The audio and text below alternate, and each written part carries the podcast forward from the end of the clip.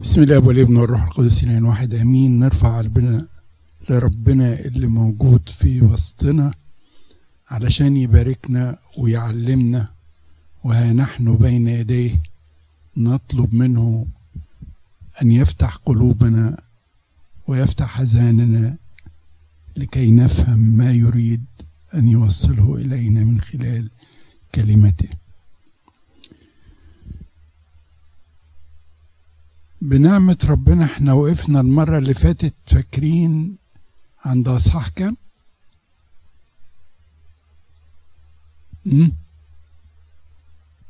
لا. كنا داخلين على دخلنا على حسب طيب إحنا وقفنا المرة اللي فاتت هنا صح كده؟ قدامكم على الشاشة؟ آه sorry. ال slide اللي بعدها كمان كمان بس. دي آخر slide كنا عندها وقفنا عند حزقية وهوشع. بالظبط. ملوك إسرائيل لحد السبي إحنا وصلنا لاصحاح 18 و لأن أصحاح 18 و19 و20 كلهم مرتبطين مع بعض بملك واحد الحقيقة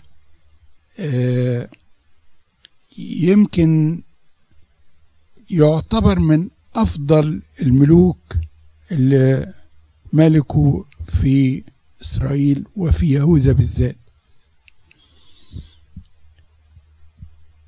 لو نفتح الاناجيل لو سمحتوا اللي معاه انجيل يفتح. اصح 18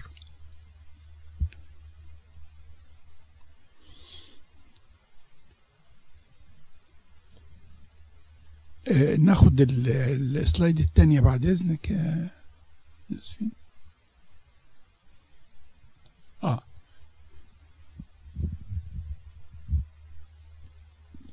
حد يقرا لنا بعد إذن حضراتكم من عدد واحد لحد عدد خمسة؟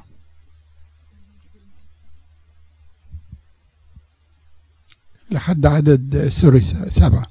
من واحد لسبعة. تمنتاشر تمنتاشر.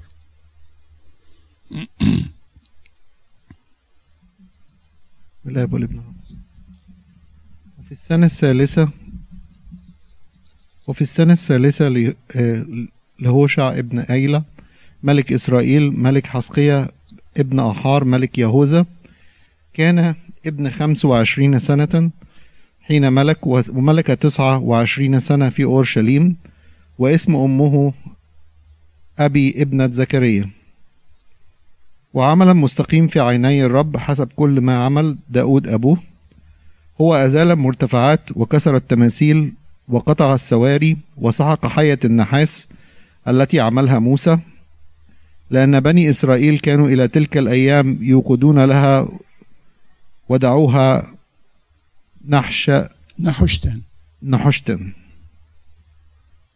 على الرب إله إسرائيل اتكل وبعده لم يكن مثله في جميع ملوك اليهوذا ولا في الذين كانوا قبله. والتصق بالرب ولم يجد عنه ولم, ولم يحد عنه. بل حفظ وصاياه التي أمر بها الرب موسى. وكان الرب معه وحينما كان يخرج كان ينجح وعصى على ملك آشور ولم يخضع له. ده حز ده حزقية. الملك لو أنتوا رجعتوا شوية السلايد اللي قبلها هتلاقوا إن أبوه حزية وكان ملك شرير.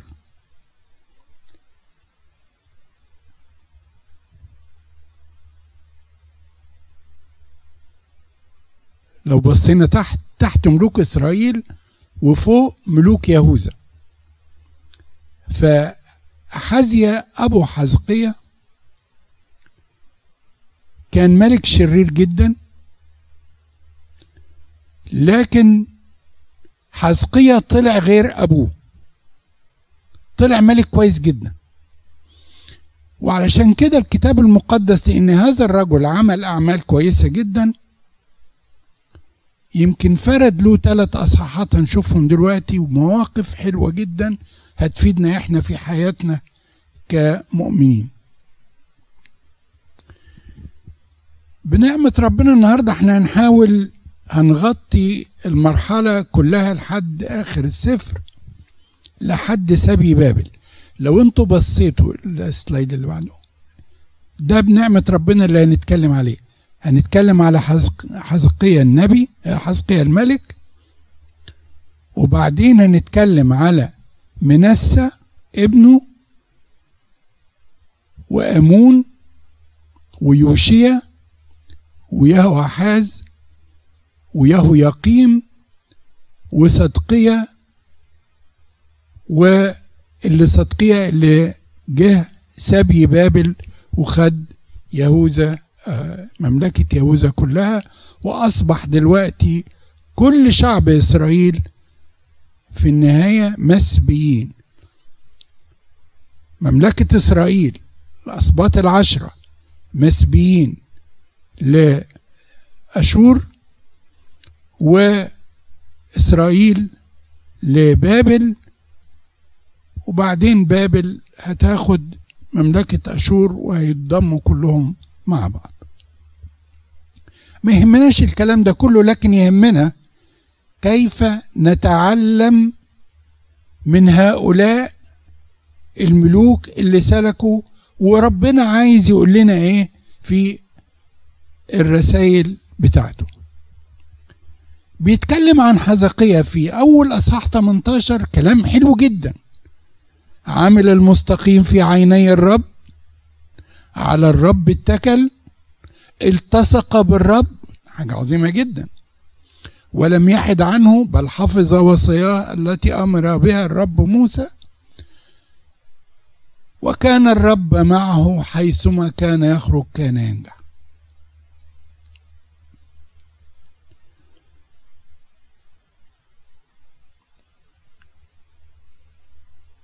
برضو في هذا الأصحاح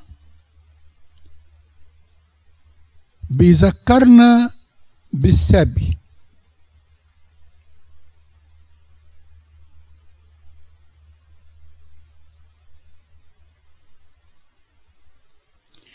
وبيقول لنا في عدد 12 لأنهم لم يسمعوا سبي إسرائيل لم يسمعوا لصوت الرب إلههم بل تجاوزوا عهده وكل ما أمر به موسى عبد الرب. نكمل كده من معاه فلم يسمعوا وإيه ولم يعملوا. فلم يسمعوا ولم يعملوا. دي رسالة قوية لنا حضراتكم. لم يسمعوا ولم يعملوا. كتير بنسمع. ويا سلام يمكن في ناس مشغلين يعني عظات أبونا داود لمعي والبابا شنودة وعظات جميلة قوي ناس بنسمع كتير. ولكن ما فائدة السمع بدون عمل؟ إبليس بيخدعنا حضراتكم كتير قوي. يا سلام قاعدين بنسمع. نسمع ألحان نسمع ترانيم مبسوطين ومنتعشين. بعدين العمل فين؟ التطبيق العملي فين؟ هو ده اللي عايزه ربنا. فبيقول إيه؟ لأنهم لم يسمعوا لصوت الرب فلم يسمعوا ولم يعملوا.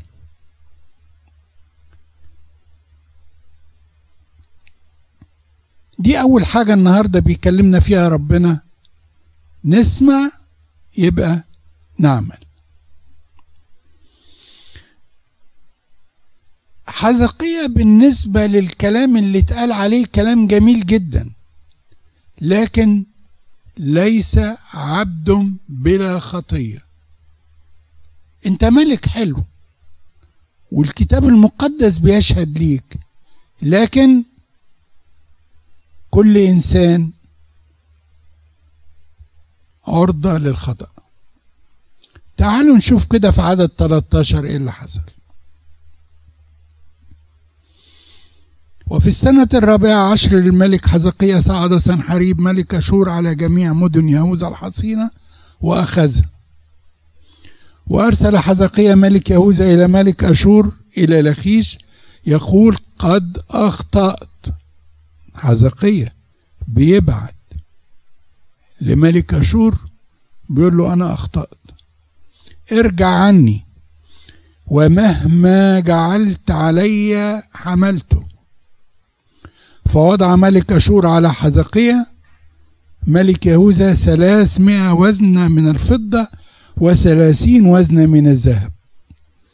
فدفع حزقية جميع الفضة الموجودة في بيت الرب وفي خزائن بيت الرب وفي ذلك الزمان قشر حزقية الذهب عن أبواب هيكل الرب والدعائم التي كان قد غشاها حزقية ملك يهوذا ودفعه لملك أشور. ملك أشور بيهدد مملكة يهوذا. فحزقية الملك بعت له وبيستعطفه بيقول له متأسف جدا أنا أخطأت. ينفع؟ ده أنت ده أنت ربنا مبسوط منك. كيف يكون هذا التصرف؟ ومع ذلك الكتاب المقدس بيسمح إنه بيذكر هذه الأخطاء بتاعه رجاله رغم إنه بيذكر عنهم حاجات كويسة لكن يذكر أخطائهم علشان يقول إيه؟ ليس عبد بلا خطية ولا سيد بلا غفران. حزقية بعت الذهب والفضة اللي كان طالبها ملك أشور دعتها كلها. لكن ملك أشور سكت إبليس تماما. إبليس صورة بالظبط ما يكتفيش بأنه في مرة الإنسان يطوعه ويمشي معاه. لا. فراح بعت ملك سنحريب تاني اللي هو ملك أشور بيهدد مملكة يهوذا. وبيعيروا بأنه بيتكل على أنت بتتكل على مصر يتكل على مصر اللي يتكل عليها زي يتكل على عكاز يخرج يدخل في إيده ويأثر فيها. وأنت بتتكل على إلهك وتقول الرب إلهك طب خليه ينقذك. لكن تعالوا بصوا كده في عدد 25 بيقول له إيه؟ المرسال بتاع سنحريب بيقول له كلام يعني هو بالظبط خداع إبليس في عدد 25 بيقول له والآن هل بدون الرب صعدت على هذا الموضع لأخربه؟ الرب قال لي ده ده. ده الرسل بتاع سنحريب. الرب قال لي اصعد على هذه الأرض واخربها.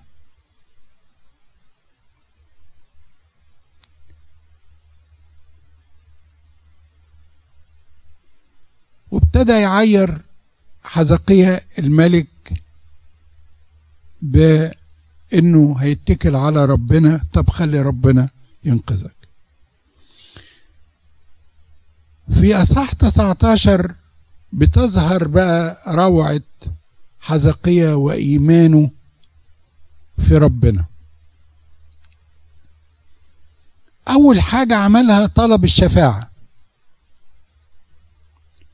بعت لمين؟ في عدد في أصحاح 19 بعت لأشعياء النبي وقال له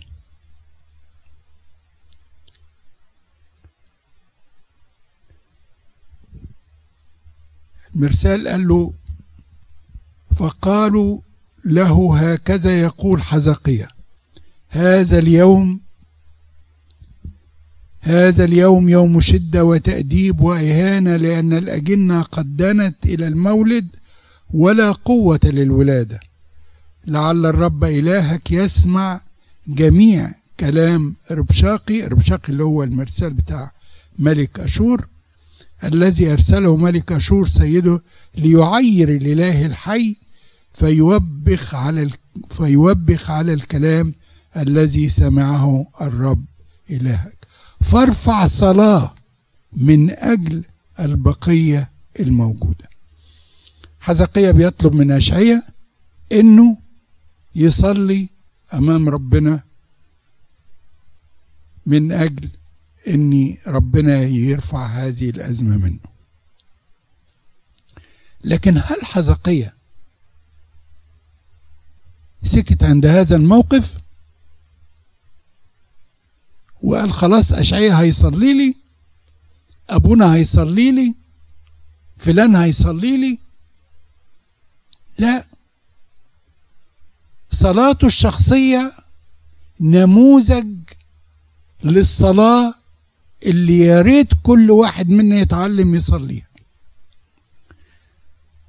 يا ريت حد يقرا لنا كده من 16 ل 19 في اصحاح 19 جوزفين قرنا فقال أشعياء لحزقيا اسمع قول الرب. وذا تأتي أيام يحمل فيها كل ما في بيتك. ما ذكره أباؤك إلى هذا اليوم إلى بابل. لا يترك شيء يقول الرب. ويؤخذ من بنيك الذين يخرجون منك الذين ترد أصحاح 19 أصحاح 19 من عدد 16 أمل يا رب أذنك. آه. أمل يا رب أذنك واسمع افتح يا رب عينيك وانظر واسمع كلام سنحاريب الذي أرسله ليعير الله الحي. حقا يا رب إن ملوك أشور قد خربوا الأمم وأراضيهم ودفعوا آلهتهم إلى النار ولأنهم ليسوا آلهة بل صنعت أيدي الناس خشب وحجر فأبادوهم والآن أيها الرب إلهنا خلصنا من يده فتعلم ممالك الأرض كلها إنك أنت الرب الإله وحدك.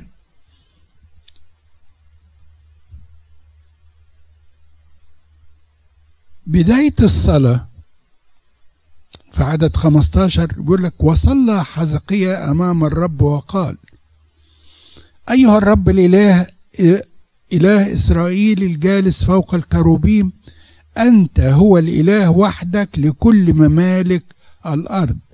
أنت صنعت السماء والأرض. مقدمة أي صلاة؟ أعطي المجد لله. أعطي المجد لله. الكرامة والعظمة له. وبعدين ادخل في الطلبات اللي انت عايز تطلبها من ربنا.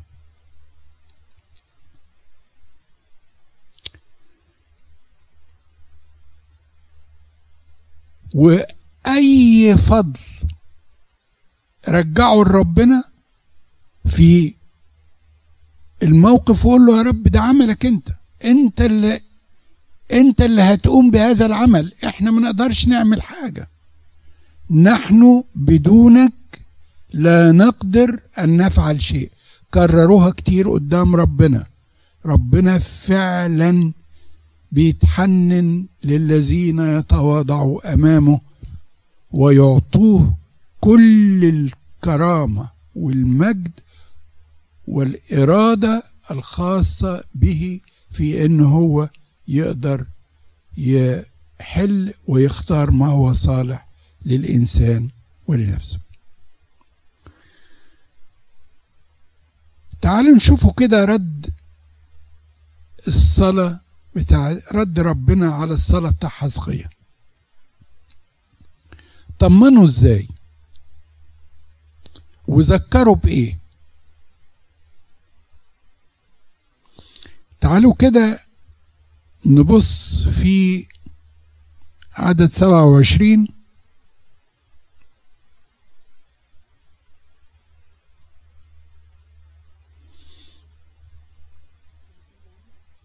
ولكني عالم بجلوسك وخروجك ودخولك وهيجانك عليا ده كلام ربنا لمين؟ لسان حريب. أنا بس مش عايز نقرأ كل الكلام اللي ربنا بعته ليه لكن هقف عند دي. لأن كل شيء عريان ومكشوف أمام الله. اللي بيفكر ان هو مش متشاف أو محدش شايفه أو لا الله يرى كل شيء وعارف كل شيء. لكن عارف عالم بجلوسه وخروجك ودخولك وهيجانك عليه. وأيضا لكل إنسان يفعل لأنه يرى يفعل الخير فهو يرى ما يصنعه الإنسان من خير حتى في الخفاء. في عدد 34 الرد بقى اللي يقنع ويدي ويدي قوة الإيمان والشجاعة. بيقول له إيه؟ وأحامي عن هذه المدينة ده ربنا اللي بيقول لأخلصها من أجل نفسي ومن أجل داود عبدي. إيه المحبة دي يا رب؟ أنت بتحامي عني أنا؟ لأجل ذاتك؟ آه لأنك أنت ابني. ومن يمسكم يمس حدقة عيني. ومش لأجلك بس ده لأجل داود عبدي ده لأجل القديسين اللي انت بتتشفع بيهم. لأجل هذه النفوس اللي انت متعلق بيها وكان لها تراث جميل وميراث حلو معايا. أنا هعطف عليك. ده نموذج الصلاة ورد الله لينا. إيه النتيجة؟ الحرب كانت إزاي؟ حزقية طلع حارب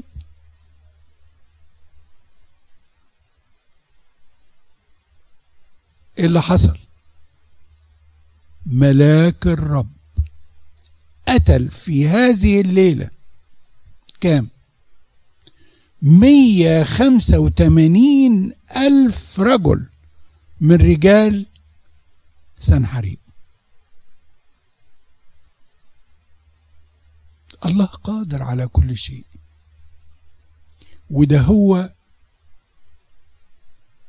علاقتنا مع ربنا لتكن إرادتك.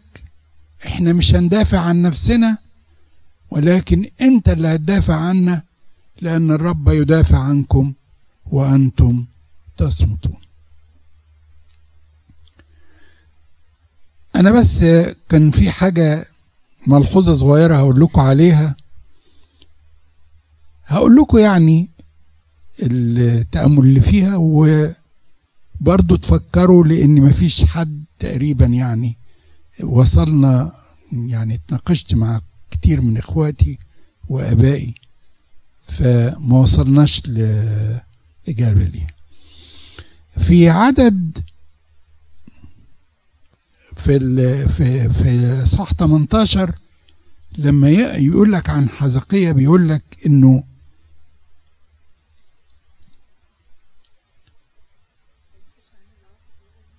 آه بس أنا يعني هقول لكم الحتة دي لانها هتتكرر بعد كده واتكررت بعد كده في ملوك يهوذا بيقول إيه؟ وملك 29 سنة في أورشليم واسم أمه أبي ابن ابنة زكريا. ذكر اسم أمه. لو أنتوا في رجعتوا كده في ملوك أول وملوك تاني هتلاقي إن الكتاب المقدس بيذكر في ملوك يهوذا بس. ما بذكرش في ملوك إسرائيل. اسم الأم.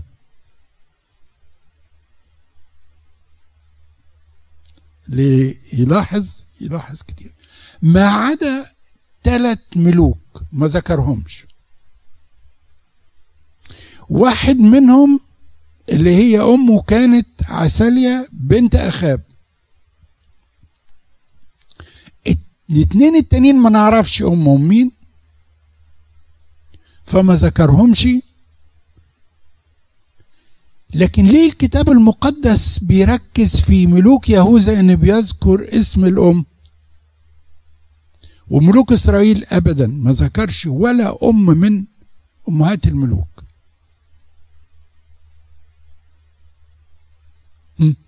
حد يقدر يتأمل كده فيها؟ طيب أنا أقول لكم يعني بعض الأفكار اللي تداولتها مع دكتورة سوزان ومع عود سابونا ومع يعني يعني هو ما ما فيش حد على فكرة اتكلم في الحتة دي. و ولكن بعض التأملات اللي إحنا تناقشنا مع بعض فيها إن نسل سبط يهوذا هو اللي يجي منه مين؟ ونسل المرأة يبقى لازم المرأة تذكر. خلاص؟ المرأة تذكر. حقيقي إن ملوك يهوذا كلهم مش مذكورين في أنساب السيد المسيح. معظمهم آه لكن في بعض منهم ما اتذكرش.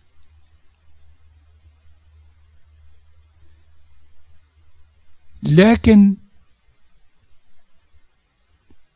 يعني تفكير تواضع يعني تواضعي يعني على قدي.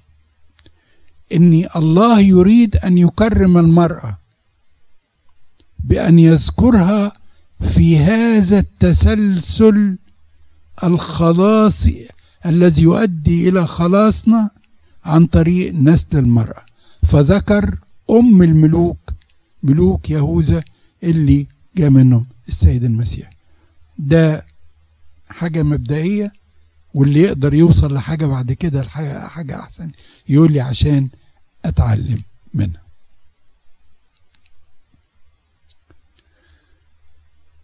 نكمل بعد كده في أصحاح عشرين وهنلاقي إن حزقية مرض بيقول لك بداية أصحاح عشرين وفي تلك الأيام مرض حزقية للموت.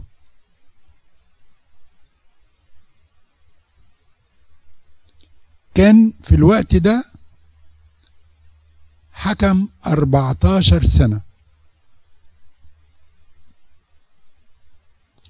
وطبعا الموقف بتاعه مشرف كويس وربنا معجب بيه. فلما جاء يبلغه فجاء إليه أشعياء ابن أموس النبي وقال له هكذا قال الرب أوصي بيتك لأنك تموت ولا تعيش.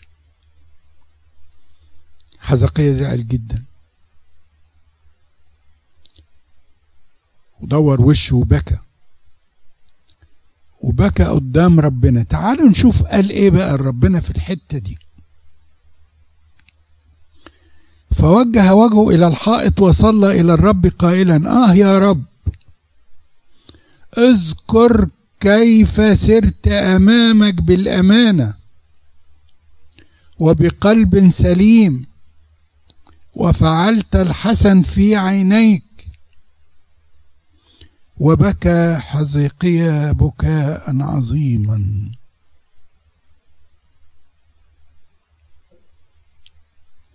صلاة بدموع.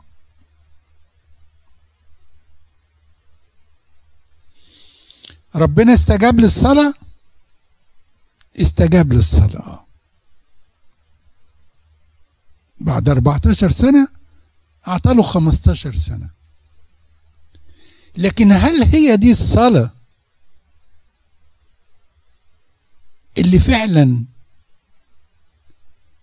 تسر قلب الله؟ إيه رأيكم؟ واحد بيقول له يعني ده أنا عملت وكنت آمين و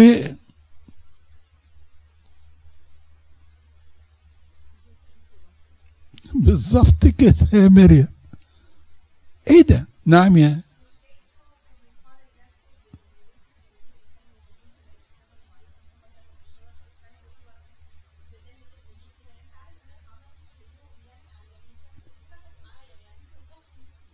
إن فعلتم كل البر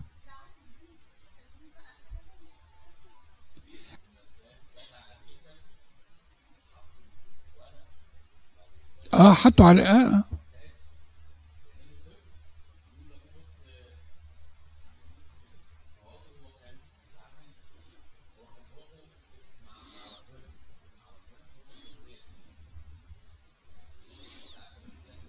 مم.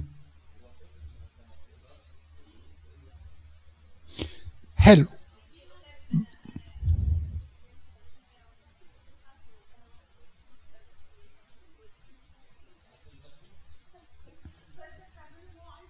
حلو. طب خلاص يعني ربنا عامله بهذا الأسلوب وعطاله 15 سنة. خلي بالكم. طيب حلو. يكمل معاه. نعم. امم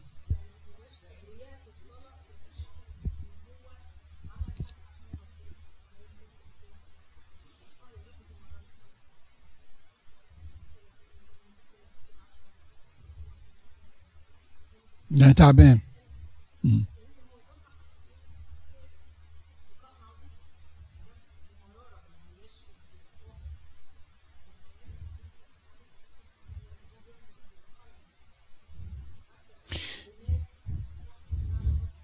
أعتقد الأحداث شوفي شوفي يا جوزفين كلامك صح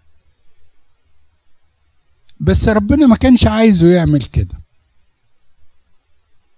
ما كانش عايزه. بدليل هنشوف بعد كده إن ال 15 سنة دول كانوا نكبة في حياته. و السلاسل اللي جاية بعد كده والسرد اللي جاي بعد كده مش إيجابي.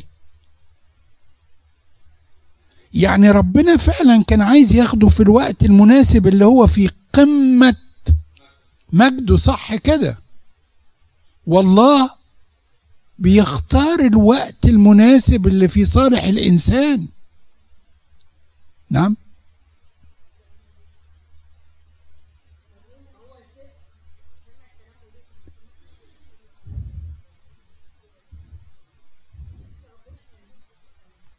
ما هو ربنا طبعا له خطة. لا بس هو رب أنا في تصوري إن الله كان من في تف في خطته انه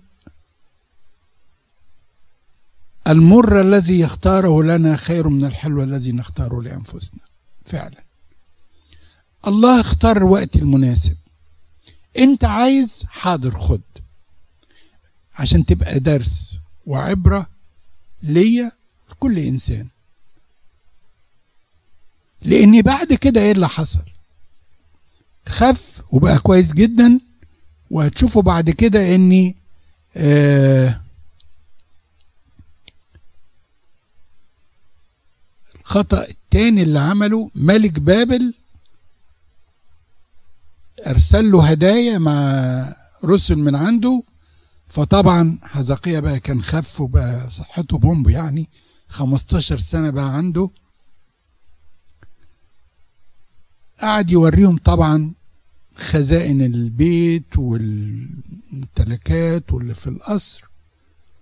وطبعا رجع له اشعيا النبي وقال له أنت عملت إيه؟ أنت بتتفخر بإيه؟ اللي أنت كله ده هيتاخد منك وهيروح مملكة بابل. النقطة الثانية إن لما نشوف مين اللي هيملك بعد حزقية الملك لما مات بعد خم... بعد 15 سنة؟ مين؟ منسى ابنه. حزقية كمل 29 سنة منسى ابنه. نعم. ده. ده ده الكتاب المقدس كاتب كلام عليه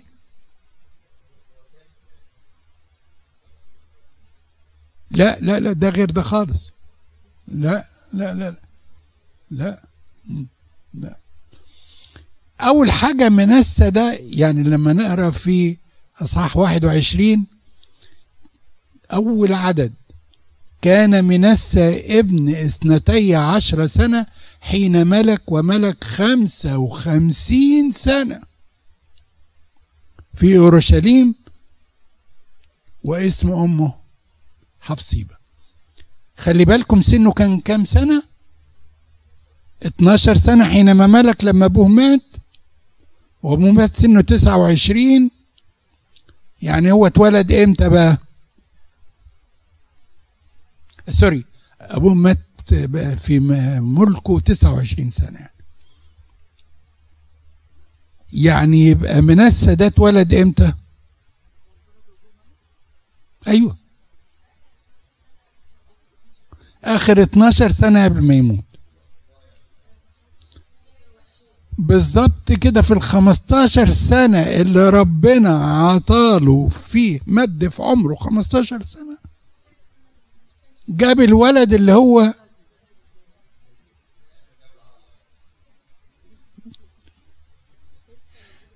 شوف الله له حكمة وترتيب. يا سيدي أنا كنت هاخدك في عز مجدك.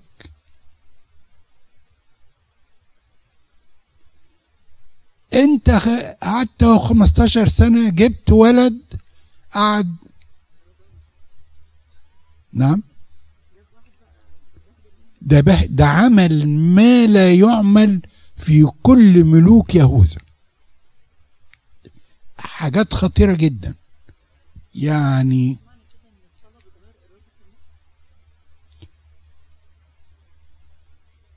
الصلاة بتغير إرادة الله. سؤال جميل.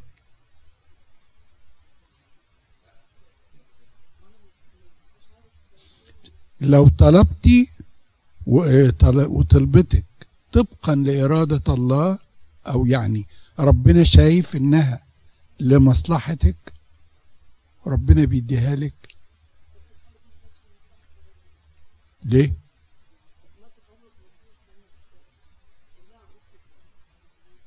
لا هو ما كان ما كانش هو لا العواقب من الشخص نفسه يعني هل تعتقدي إن منسى منسى قعد ال 12 سنة اللي اتربى فيهم مع أبوه ما شافش أبوه في عبادته للهيكل وتنفيذ الوصايا؟ لا كان موجود. أيوه. العيب مش العيب مش في إن ربنا مدله المده العيب في منسى الابن. وأوعى تتوقعي إن الابن هيطلع زي أبوه. يعني حزقية كان كان راجل كويس جدا. لكن هل منسى طلع زي أبوه؟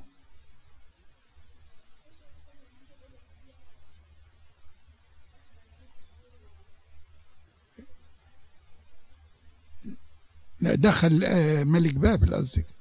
ملك بابل. لا يعني كانت زيارة. دي كانت زيارة. حسن اتفضل يا عماد. أي؟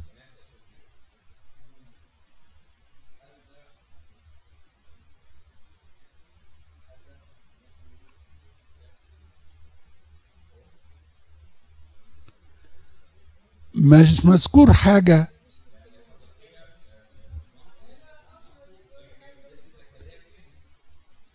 مش مش مذكور حاجة. مش مذكور. مش مذكور حاجة. ولكن الكتاب المقدس الكتاب المقدس بيسرد هذا السرد للملوك. إن واحد كويس يطلع ابنه وحش واحد ملك وحش يطلع ابنه كويس يعني معناها إيه؟ ليس هناك رابط بين التأثير إن الابن إن الابن والأب يطلعوا زي بعض. ممكن يبقى كويس زي باباه آه ممكن. ممكن يطلع وحش زي ما نشوف بعد كده للمجموعة اللي جاية. وممكن يطلع الأب وحش والابن يطلع كويس. وياما نماذج أبهات كانت وحشة جدا. طل طلع أولاد من عندهم ناس كويسين جدا. وياما كانوا ناس كويسين جدا وطلع عندهم أولاد مش كويسين. داود طلع عنده أولاد مش كويسين. عالي الكاهن. ولاده ما كانوش كويسين. أيوه ما أنا بقول لك يعني يعني في يعني في كويس وفي وحش. أولاد صمويل الاثنين ما كانوش كويسين. ف يعني إرادة الإنسان هي اللي بتحط مسار حياته وتقييمه. لكن الله لا يتحكم في أحد في إرادة حد ويخلي ويغير في اتجاهه إلا لو هذا الإنسان خضع لإرادة الله. منسى ملك ملك خمسة وخمسين سنة وعم بيقول كده الكتاب المقدس وعمل الشر في عيني الرب. لما تقرأ عدد ثمانية وتسعة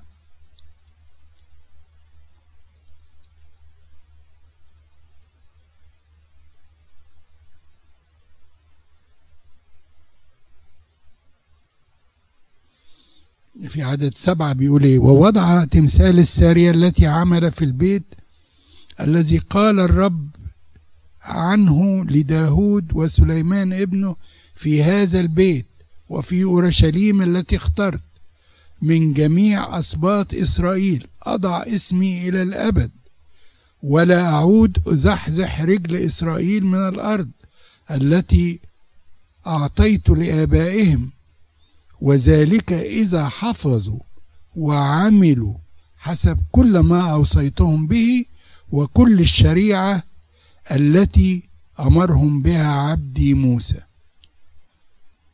فلم يسمعوا بل أضلهم منسى ليعملوا ما هو أقبح من الأمم الذين طردهم الرب من أمام بني إسرائيل. أقبح من الأمم. يعني عمل شر أشر من الأمم.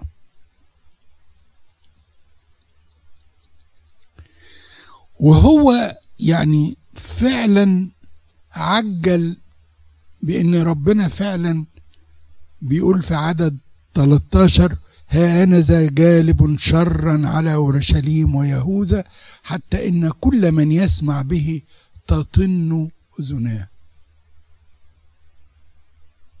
بسبب مين؟ بسبب منسى منسى قضى خمسة وخمسين سنة وبعدين مات وما اتدفنش مع آبائه اتدفن في بستان القصر بتاعه. ما اتدفنش مع آبائه غير الملوك التانيين اللي يقول لك إيه ودفن مع وضم إلى آبائه. لا ده دفن في بستان عزة عزة في القصر بتاعه. وملك ابنه أمون. ابنه أمون ده كان عمره 22 سنة ملك سنتين وعمل الشر في عيني الرب ودفن في بستان عز أيضا مع أبوه.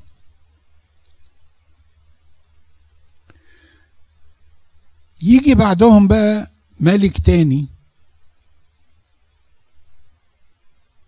ابن أمون بقى يعني منسى شرير أمون شرير أو عمل الشر في عيني الرب. يوشيا ابن أمون ملك وسنه 8 سنين. وملك 31 سنة. وبيقول عنه الكتاب إيه؟ وعمل المستقيم في عيني الرب وسار في طريق داود أبي يوشيا ده ملك يعتبر من الملوك يهوذا فعلا اللي ربنا فعلا يعني أعطاله كرامة لأنه عمل حاجات كويسة جدا. أول حاجة رمم البيت وراح باعت لحلقية الكاهن وقال له اهتم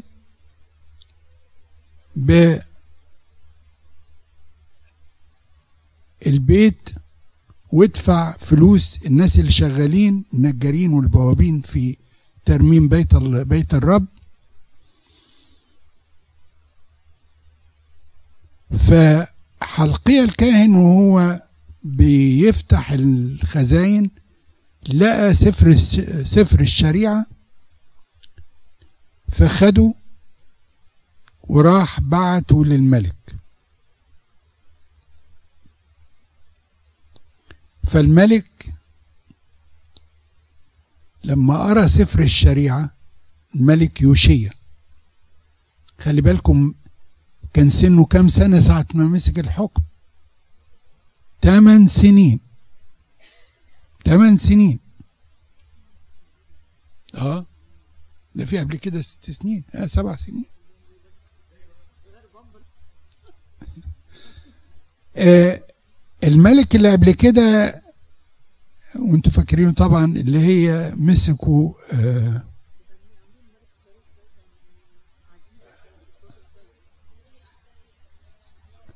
بالظبط كده. يهويداع الكاهن ورباه وفضل جنبه لحد ما وقف على رجليه وبقى راجل كويس جدا لكن بعد كده عمل غلطة إنه قتل زكريا الكاهن ابن يهويداع الكاهن. إنما يوشيا كان الحقيقة راجل كويس جدا.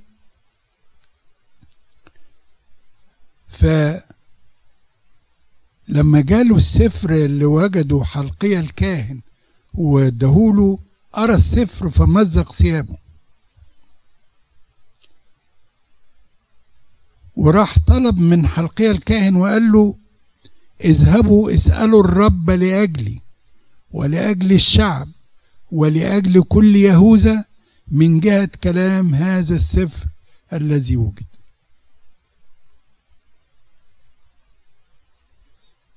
فطبعا حلقية الكاهن راح يشوف مين النبي اللي موجود في هذا الوقت يقدر يسأله يا ريت حد فاكر. لا مم.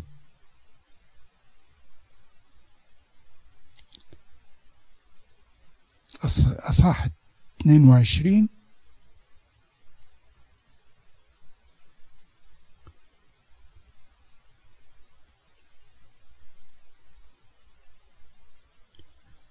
عدد 14 من يقرا لنا فذهب ها؟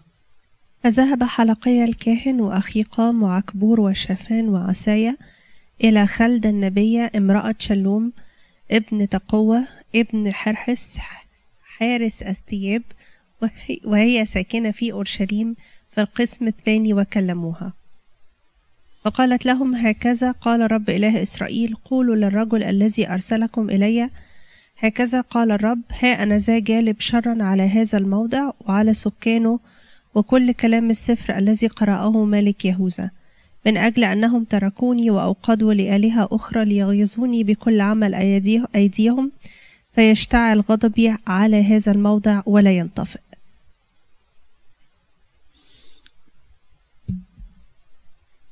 نلاحظ في عدد 19 بقى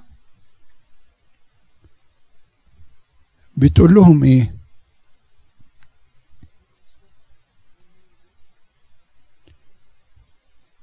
آه لا من عدد 18 وأما ملك يهوذا الذي أرسلكم لتسألوا الرب فهكذا تقولون له. هكذا قال الرب اله إسرائيل من جهة الكلام الذي سمعت من أجل أنه قد رق قلبك وتواضعت أمام الرب حين سمعت ما تكلمت به على هذا الموضع وعلى سكانه أنهم يصيرون دهشا ولعنة ومزقت ثيابك وبكيت أمامي. قد سمعت أنا أيضا يقول الرب لذلك ها أنا أضمك إلى أبائك فتضم إلى قبرك بسلام ولا ترى عيناك كل الشر الذي أنا جالبه على هذا الموضع. الله لا ينسى أبدا كأس ماء بارد. صدقوني. ربنا يعني أمين في محبته لينا. ما دام الإنسان أمين معاه. أمانته لا تتغير طبعا. لكن الإنسان الأمين بيكون أمين معه بأكتر كمان. يوشيا عمل ما يحسن في عيني الرب. فعلا. وما عملش زي لا أبوه ولا جده منسى وحافظ على الشريعة وحافظ على المبادئ. وسلك سلوك فعلا أولاد الله. في المشكلة يلجأ لمين؟ الكتاب المقدس كلام الرب. ورجال الله لكي يرشدوه. فلجأ هو لهذا الأسلوب. روح اسأله من أجل ربنا هيعمل إيه معانا. اسألوا الرب لأجلي ولأجل الشعب ولأجل كل يهوذا. فكان النتيجة إني هكذا قال الرب. من أجل أنه قد رق قلبك وتواضعت أمام الرب. كلام لا يحصل ده مش هيحصل في أيامك لكن هيحصل بعد كده. وقد كان. مات يوشيا الملك ومسك بعداه آه بعده يهوحاز ابن يوشيا وللأسف وللأسف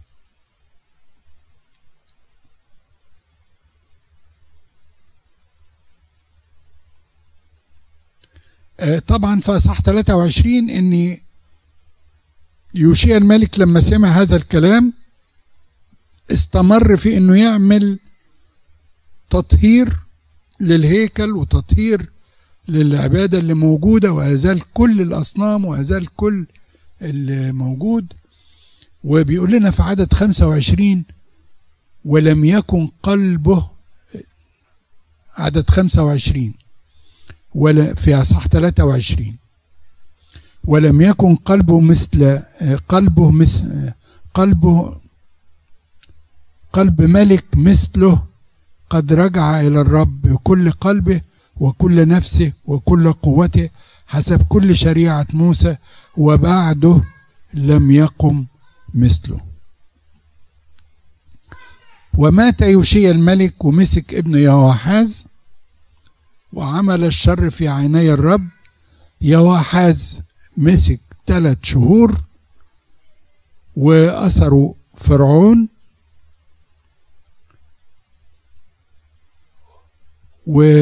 أسره فرعون وخلاه في مصر وملك مين؟ اليقيم ابن يوشيا اللي هو يبقى أخو يهوحاز وغير اسمه يهويقيم وملك 11 سنة وعمل الشر في عيني الرب. وبعدين نبوخذ نصر.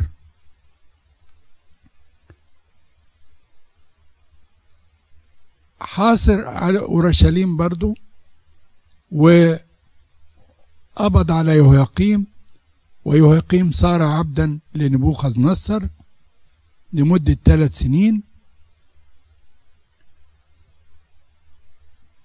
وبعدين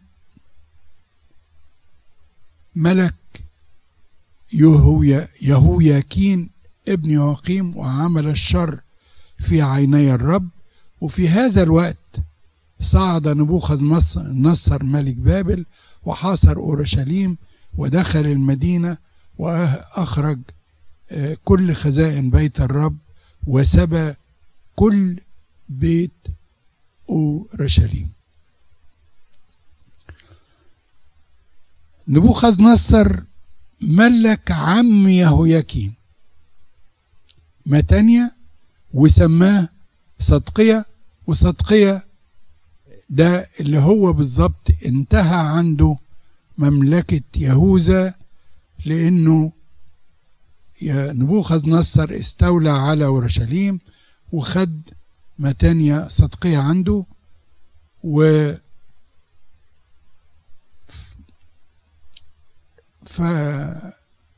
فخلعوا عينيه قلعوا عينيه وقيدوه بالسلاسل ووضعوه في السجن وفضل مسبي في مملكة بابل وهذا هو الحكم الذي حكم به الله على مملكة يهوذا. هختتم بحاجة إني حتى السبي رغم أنه في نظر كثيرين يعتبر كان شرا لكن الله استخدمه ليكون أيضا خير حيث تشتتوا وجالوا في الأرض كارزين بالكلمة. لإني لما شعب إسرائيل راح في مملكة بابل في مملكة أشور ابتدوا الناس دول يعرفوا من هو الله ومن هو الإله. والقصص بقى داريوس وأيام دانيال والفتية الثلاثة معجزات. لا ما أقدرش أقول لك يا